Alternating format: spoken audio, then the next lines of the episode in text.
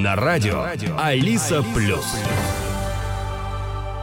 День добрый, уважаемые радиослушатели. На волнах радио Алиса Плюс начинается программа «Диалог с городом». Меня зовут Сергей Каратеев, и ближайшие 30 минут э, в прямом эфире у нас с вами будет возможность задать вопросы руководителю Департамента городского планирования и строительства Даугавпилса Санта Пупине в нашей студии. Здравствуйте. Здравствуйте. Это прямой эфир, и по традиции в рамках темы программы, в рамках компетенции Санты, вы можете задавать вопросы, дозвонившись к нам в студию по телефону 654 25 300. Также организована трансляция в Фейсбуке, профиль Алиса плюс радио. Заходите, смотрите, там же в комментариях оставляйте вопросы. Я по возможности, по ходу программы постараюсь их тоже озвучить в эфире. Летом прошлого года самоуправление провело общественное обсуждение по вопросу строительства автозаправочной станции в районе Эспланады. Насколько известно, предприниматель обратился в суд, чтобы получить разрешение на строительство. Скажите, пожалуйста, какое решение принято по этому вопросу? Да, суд однозначно постановил, что надо выдать, выдать разрешение. Я, может, если мы вспомним, а, как это было. Как это было, да, да очень интересно. А, в предыдущем, э, в предыдущем году было публичное э, общественное обсуждение, где участвовало где-то 600 э, респондентов.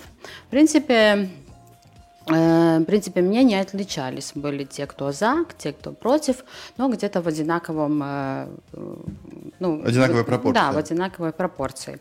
Но те, кто были против, были в основном те люди, которые живут рядом непосредственно с этой территорией. Ну и, конечно, Daugavpils Olimpiskais центrs, Daugavpils университета, да, у них общежитие, общежитие находится рядом. То есть а, все они указывали, что у них, конечно же, ухудшится э, обстоятельства жизни, это побольше там транспорта, побольше выхлопных газов, и ну там была полянка, а сейчас там будет ну такой вот объект. И э, Бувалды, э, то есть строй право, э, изначально, конечно же, э, выслу... ну, конечно же, Э, выдал решение а, запретить, э, запретить строить там а, э, вот, автозаправку с автомойкой. Потом это решение было оспорено в самоуправлении. Самоуправление приняло такое же решение. Ну и потом Circle K обратился в суд вот, а суд с просьбой выдать все-таки им э, разрешение. Но наши аргументы, что это будет а, мешать жителям, что это, в принципе, находится а, э, в самой близости около Даугавпилс Олимпийский центр, э, который является самым большим объектом инфраструктуры спорта в Даугавпилсе, как бы суд ответил что э, в силе территориальный план и в плане указано, что такой объект там можно строить. Ну, не только такой объект, но как бы один из таких объектов. И, то есть, э, покупая, покупая этот участок, э, предприниматель э, рассчитывал на это, рассчитывал туда вкладывать какие-то инвестиции, и, ну, и таким образом отказать в этой стадии уже как бы нелогично и, и, и не, не по закону. Э, в общем, э, все наши аргументы, то есть от строя правы, от самоуправления были отклонены. И сказано, что сказано, что все, ну, то есть все вопросы по охране окружающей среды, Э, по ухудшению а, там, жизни жителей, это ну, как бы ничем не доказано. Ничем не доказано, просто, ну, как бы это субъективное мнение, ну, вот, и как бы обязовал, суд обязовал э, выдать разрешение Circle K на строительство э, заправочной станции с автомойкой на спорта 8. Но тут я хочу сказать, что Э, да, конечно, самоуправление будет обязано выдать эти разрешения, но перед этим мы обязательно встретимся с предпринимателем Circle K, возможно, даже на следующей неделе в доме, и обсудим, какие, э, какое благо они могут дополнительно дать жителям, которые живут рядом. Может, это будет какое-то э, благоустройство больше, чем предусмотрено Э, в проекте. Может, это будет, будет какая-то э, для детей э, игровая площадка. Ну, ну, то есть мы будем стараться найти какой-то компромисс, хоть хоть как-то, чтобы было какое-то улучшение на этой территории, ну, как бы по отношению к, к соседям, к, ну, к жителям, да, к жителям да. города. 654-2530, номер телефона в студии, руководитель Департамента городского планирования и строительства Даугавпилса Санта Пупиня у нас сегодня в студии, я приглашаю наших радиослушателей звонить. Теперь давайте поговорим о существующих строительных проектах в городе. Самым амбициозным на данный момент является реконструкция трамвайных линий.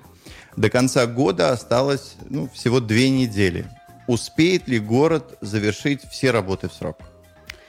Ну да, как мы все видим, а, там строительство ведется очень активно, особенно на втором маршруте, ну, да, маршруте второго трамвая.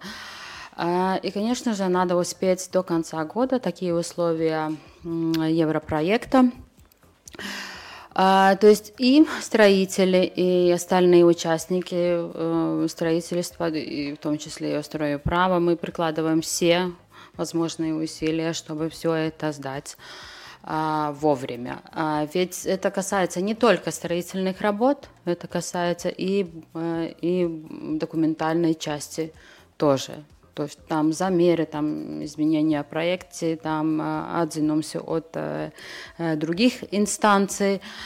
Но пока что все это выглядит довольно довольно оптимистично, хотя, хотя работы очень много. И вот уже на днях принимаем э, улицу Смилша, Смилшу, и улицу, и, и, и сами ну, трамвайные пути. Ну вот у нас остается новая, новая трамвайная ветка на улице Вайнёдес. Ну и самое проблематичное и сложное э, это второй, э, да, это линия второго трамвая, поскольку там были очень-очень э, маленькие сроки, ну, как бы, и ну, здесь, может, можно сказать спасибо строителю, кто вообще взялся реализовать этот проект. Ну, а если бы мы не успели, да, как вообще регулируется этот вопрос в проектах э, с европейским финансированием? А, ну, насколько мне известно, поскольку строительный департамент непосредственно не занимается э, европроектами, но нам нужно успеть до Нового года, или мы э, потеряем э, деньги на, все, на все проекты по трамваям, и в том числе и, э, ну, и на закуп, на те деньги, которые были предусмотрены на закупку трамваев. На сами вагоны, да? Да. Ничего себе. 654-2530, номер телефона прямого эфира. И я приглашаю наших радиослушателей звонить. Санта Пупиня сегодня гости программы. А, продолжая тему транспортной инфра- инфраструктуры, расскажите, пожалуйста, о строительных работах, которые начались на променаде в Стропах. Да, на променаде э, наконец-то начались работы по строительству автостоянки. Ведь все, все мы знаем, и горожане знают, и гости города, что там э, около центрального пляжа не хватает парковочных мест. Всегда какой-то, или это просто жаркий день летний, или это какое-то мероприятие, все машины, жители ставят автотранспорт, на всех территориях, где возможно, и в том числе и на зеленых территориях. Вот, и там история очень долго. А, город изнач... изначально эти два участка, на котором строится э, автостоянка, э, принадлежала частным лицам, потом городу. Э, при долгих разговорах, э, то есть, э, то есть э, удалось поменять этот участок. И сейчас этот, эти участки в владении самоуправления. Ну вот. И там строится стоянка, и будет 115 парковочных мест и пару мест для больших автобусов. 115 для ну, легковых, легковых да. да. Вот э, такая, да, довольно большая и удобная автостоянка с освещением и со всеми удобствами. Так что э, в ближайшем будущем, уже в июне, э, жители, жители смогут использовать вот эту автостояночку уже в нормальном телевизионном виде. Променад в Стропах не единственная зона отдыха, где запланированы ремонтные работы. Что планируется сделать в районе Ругельского котлована? Известно, что частные владельцы территории водохранилища намерены выкупить его. Вот будет ли это сделано? Да, если такие планы есть, они, а, они уже довольно реальны. То есть, да, напомню, что половина котлована а, принадлежит а, частникам, и это очень ограничивает в реализации каких-то проектов по благоустройству ну, и похожих проектов. Да. Эм, вот недавно на, на этой неделе на градостроительной комиссии обсуждали вопрос, э, как благоустроить именно, э, именно ну, самую первую часть э, котлована, ну, где ближе сейчас, к дороге, да? Да, ближе, ближе Это к дороге. городу принадлежит или собственнику? Ну, там половина городу, половина собственнику. Ну, э, пока что будем ориентироваться то, что городу принадлежит, да, то есть э, планируем еще пока то э, ну, пока решаем, как это будет выглядеть, э, планируем там нормальные автостоянки э, сделать э, нормальный разворот для автобуса номер 10, да, который ходит э, на Руельский котлован. Вот. Также оборудовать какие-то места для, для торговли. Ведь все мы знаем, что жаркий день, всем хочется э, что-то... На природу. Да, да, да. Как-то, э, ну, там нету такого предложения по, ну, по, по, по, по что-то покушать, попить, и, да, так что вот таким образом. 654-25 13 номер телефона в студии, руководитель департамента городского планирования и строительства в нашей студии. Вы можете задать вопросы. Мы же поговорим о заброшках. В этом году самоуправление организовало закупку на снос заброшки на улице Стация, 95-й дом. И был выявлен уже один претендент. Все ли идет по плану и будет ли снос осуществлен в каком в следующем, в 2024 году? Как вы считаете, насколько успешно самоуправление работает с заброшками вообще?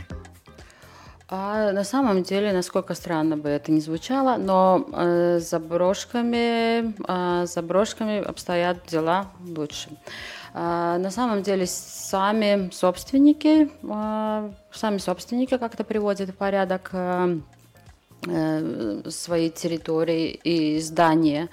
А, ну, например, мы видим, что э, по улице Ригас очень много покрашенных новых фасадов, ну, то есть покрашенных, обновленных.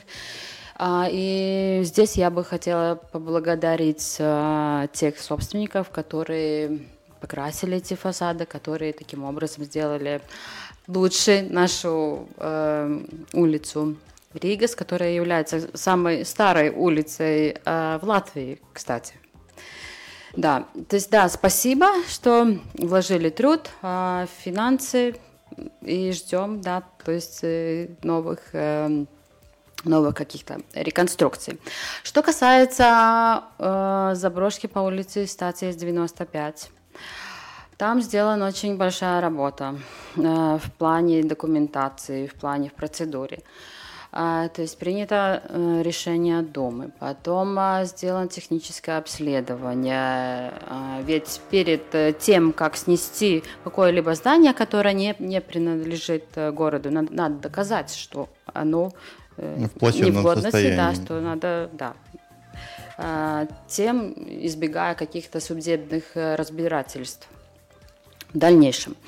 То есть, да, техобследование сделано, и сделана закупка, как вы правильно сказали, и выявлена цена. Цена там В принципе, для такого здания, для такой территории небольшая, это где-то в районе 60 тысяч, 65 тысяч э, без ПВН.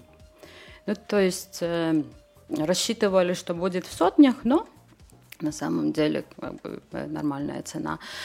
Но э, в этом, в этом году в бюджете эта сумма не запланирована, поскольку никто там, в начале года не думал, что будет такая ситуация, да, но надеемся, что хватит бюджетных денег и э, бюджетных средств и на эту цель тоже в следующем году. А если выделяются деньги в следующем году э, на э, на снос этих зданий, да, то это делается очень быстро, там ничего такого сложного нету то, ну и надеемся, что в следующем году увидим там э, красивую, ухоженную территорию место этого здания, которое есть сейчас. Ну а в принципе, вот эти деньги, которые потратит город, мы будем собственника пытаться забрать, или это просто наша инициатива, и все, территория останется собственнику, а мы просто сделали доброе дело городом, так получается? Эм, и так, и так, но, конечно, конечно, по закону деньги можно, то есть средства можно взыскать потом от собственника. Тут а, единственный вопрос в том, что э, наверняка у собственника нет таких средств, да, и на, на что мы могли бы да, это взыскание как бы да, определить.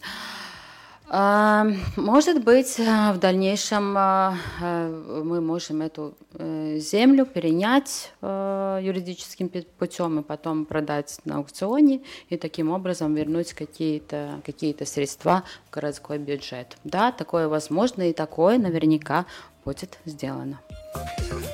Может быть, планируется снос еще каких-то заброшек? Да, частный кстати, частные заброшки, как я уже говорила, сносятся, например, а, большая а, такая территория деградированная в Мештемсе, если помните, там про филактории или бывшие пионерные, пионерские ну, лагерь. лагерь. Угу. Да. А, да, полностью снесли. И сейчас вот а, к нам подано заявление на окончание работ, ну, на принятие в эксплуатацию этой, этой территории. Да, в принципе, там все приведено порядок уже. И также на, на улице Кегелю производственное здание э, сносится, потом Потом по улице Видус производственное здание, ну, деградированное, это в Гайке сносится. Э, в этом плане как-то, да, собственники молодцы, но, может, тут действуют э, наши штрафы. Последний год особенно, особенно мы работаем над тем, чтобы ну, штрафовать э, собственников э, этих заброшек, потому что по-другому, может это не очень хорошая практика, но по-другому это не действует, и по-другому это достичь нельзя. 654-2530, номер телефона в студии. Очевидно, что Даугавпилс и Латвия сейчас добились значительного прогресса в вопросе доступности среды для людей с ограниченными возможностями. Обращает ли стройуправа внимание на этот аспект? Да, конечно, обращает. Это наша э, каждодневная работа. Ведь у любого общественного, общественного объекта должна быть соблюдена вот это вот эти вот э, э, да, доступная среда должна быть обеспечена. А, правда, люди и правда заказчики, которые заказывают, ну, заказчики строительства, не всегда это понимают. А, не всегда это понимают. Есть некая э, ну, они противятся э, этому факту, да, но нормативы есть нормативы, их надо выполнять. Самый, самый частый, частый аргумент, ну, Ко мне не будут ходить э, люди с ограниченными, ну, ко не будут посещать люди с ограниченными возможностями. И тогда мы зовем им, приглашаем к нам, э, объясняем, что есть правила, что ну, эм, чисто человечески это это, ну, как бы это нужно, потому что каждый из нас может попасть в такую ситуацию когда-нибудь. Это не означает э, инвалидность на, на всю жизнь, ну, например, сломать там руку, ногу или, ну, как-то похожие э, похожие да, э, про, ну, проблемы со здоровьем. Да, и э, такая э, хорошая новость, что у самоуправления есть... Э, самоуправление сейчас участвует в проекте государственном, и государство выплачивает, выплачивает какую-то сумму для каждого горожанина, кто подал, кто подал заявление, ну, то есть для горожанина, который имеет какие-то ограниченные возможности или, например, родственник э, с ограниченными возможностями, да, там условие такое, такое что э, этот горожанин должен быть социально актив, активный, то есть должен работать или там спортом заниматься или, или ну, как-то по-другому э, быть да, активным э, в, в обществе. То есть а, для этих сейчас на данный момент есть 8 людей, которые подали заявление, и, и строю право обследует их, а, их дома и квартиры э, на, на предмет, можно ли там устроить пандус, можно ли там э, э пацелась, то есть подъемник, подъемник да, да, если это квартира, ну какие-то вот э, такие оборудования поставить. Вот.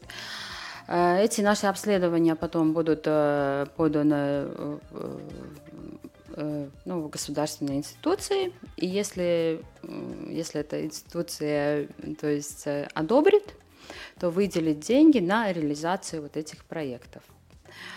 А эти проекты полностью будут а, вести самоуправление, то есть и, и строительные бумаги какие-то, и потом э, само строительство, то есть, ну, сделает для этих людей э, более доступные вот эти вот, вот это жилье, жилье для них. Ну, где они сегодня живут, да? да?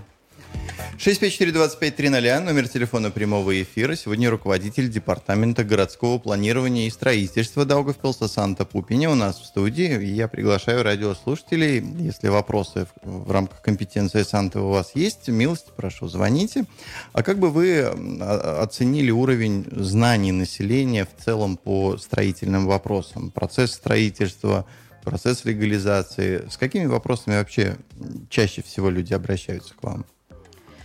А, ну, есть, в общем-то, есть две большие категории. Одна категория, которые целенаправленно знают, что они будут строить, они знают, что надо делать, они подают, э, документы, и как вот мы с ними работаем. Другая часть есть те, которые бегут тогда, когда, извиняюсь, тогда, когда э, ситуация их там поджимает, ну, ну так, так скажем.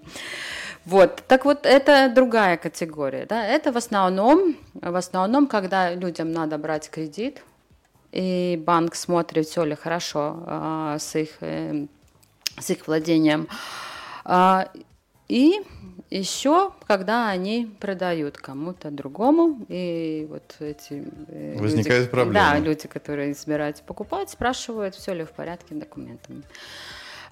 Самая такая некрасивая и сложная ситуация, когда что-то построено за границами своего участка, то есть на чужой земле. А если это земля э, самоуправления, то это как-то более-менее решаемо. То есть можно обратиться в самоуправление с заявлением, а, самоуправление рассматривает, а, потом принимает решение выставить на аукцион. Все равно надо покупать через аукцион по рыночной цене. Вот этот маленький участок, который нужен для легализации, например, бани или сарая. А, вот. И только после того, как человек покупает эту землю, объединяет, сделает проект, только потом это все можно сдать в эксплуатацию. Так что я бы э, посоветовала э, тем людям, которые строят что-то, особенно это какие-то вспомогательные здания, обратить внимание на границы. Можно, можно вызвать э, землемера, землемер укажет, э, где непосредственно есть граница участка, чтобы потом не было проблем проблем ну, там, с выкупом землей. А вторая а, такая ситуация, которая встречается очень часто, это смена статуса э, помещений или зданий. А, очень часто люди, например, а, был магазин, сейчас люди купили э, помещение или арендовали и сделали там, например, парикмахерскую, а, или, или кафе. Да? Это разные использования и разные правила. Это не только сам факт э, смены статуса, да, но что, в принципе, считается строительством тоже. Это ведь э, и соблюдение всяких правил, это и веселые инспекции, и пожарные, и пожарные нормы, и та же доступность среды. То есть э, в первую в первую очередь это э, как бы комфорт и безопасность для э, потом пользователя этих помещений, непосредственно клиента. Так что я посоветовала бы э, тем, которые, тем коммерсантам, которые собираются что-то новое делать, что-то новое открывать, или посмотреть, посмотреть в инвентаризационном деле, или обратиться в зал замездеятельности, если не знают, ну, какое использование, или прийти к нам э, за консультацией, потому что это очень важно. Э, последствия такие. А, во-первых, это штраф за несоответствие проектируемой функции. А второе – это мы останавливаем эксплуатацию. То есть а, человек вложился, человек купил, например, там оборудование какое-то, и потом это все невозможно эксплуатировать. Как вы оцениваете зимнее убранство Даугавпилса в этом году? Все ли удалось так, как планировалось? Э, да, мне кажется, в этом году, э, э, во-первых, а у нас, ну, если вы заметили, кажется, уже на протяжении трех лет на, на площади Венибас другая елочка. Ну, каждый раз другой стиль. И в этом году у нас а, такой более домашний, более детский, более классический вид елочки и оформление а, всей площади, в том числе и, и улицы Ригас а, напротив а, торгового центра Соло. Да, более такой, там всякие конфетки, там паровозик, ну такое, да, такое э, сладкое. Да, да, такое сладкое. Можем оглянуться обратно в детство. А, вот. А, и у нас есть э, один новый объект. Это резиденция э, Деда Мороза э, в инженерном арсенале. То есть это домик, где живет э, Дед Мороз, Ziemassvētku vecītis, э, где дети могут написать э, письмо, там же есть ящик, могут отправить Деду Морозу. Э, по выходным э, там, э, там находится и сам Дед Мороз. Э, вот. И да, ну это такое чудо, в которое дети могут поверить, ведь э, что может быть важнее, чем верить в чудеса? А кто принимает эти письма? Может быть, я тоже могу написать? Конечно, это же Дед Мороз. Это, это же Дед Мороз принимает и, и читает, и потом исполняет желания. Вот это самое важное. На протяжении всей этой недели праздничные елочки зажигались, э, помимо того, что на, на площади Венибас, э, и в микрорайонах. Правильно ли я понимаю, что частичное украшение елок происходило при участии жителей э, этих микрорайонов? Да, это такая тоже э, новая вещь. Ну, надо сказать, что елки в микрорайонах всегда у нас были, но э, может не так активно мы э, мы как бы, вза взаимодействовали с э, жителями э, микрорайонов. А, да, в этом году это такой э, даже ритуал, я бы сказала, где, где кстати, с удовольствием участвуют и, э, и жители данного микрорайона, э, идут на открытие елки и сами изготавливают какие-то украшения для, елки, да, ведь ведь мы знаем, если мы сами что-то сделали, мы более бережно и более тщательно относимся к этим, к этим вещам. И плюс э, в каждом микрорайоне у нас сделан такой красный бант э, с логотипом, с района. логотипом района, да, чтобы люди как-то чувствовали свою причастность э, к этому. А как родилась эта идея? Вы знаете, как и все идеи, у, у наших художников, у, у, у, у работника там самоуправления, все рождается в дискуссии, ну, во-первых, рабочая группа, дискуссия, шторм идей всяких, да, а в итоге мы пришли к, к такому решению. Также начался конкурс э, рождественских украшений для физических и юридических лиц. Да. Какие условия участия? Да, но могут участвовать практически все, все то есть четыре группы четыре группы у нас, а, то есть изглītības iestādes, учреждения изглītības iestādes. Образование. Да, учреждения образования, потом коммерческие э, какие-то структуры, ну, то есть кафе, там, магазины и прочее, потом производственные, третье, и четвертое – это частные лица. Частные лица с частными домами и могут участвовать и жильцы много, многоквартирных домов. Но тут, тут просьба поработать немножко, наверное, обхозяйственной, ну, то есть обслуживающие компании, чтобы это было ну, не только там один балкон в каком-то стиле, но может быть как-то и прилегающей территории, может как-то в едином стиле. Но это по возможности. То есть весь дом должен участвовать, если ну, Да, да. Угу. Если мы говорим там, например, что елочку... Я своим одним окном не смогу участвовать. Э, нет, вы сможете. Это, это как бы не, не запрещается, но лучше, лучше, если там есть какая-то композиция, какая-то мысль в этом всем. Это как бы лучше, это дают дополнительные пункты, э, ну, когда будем уже э, сами работы оценивать. Э, да, три места призовых, ну, в каждой группе. То есть 200 э, евро, 150 и 100, соответственно.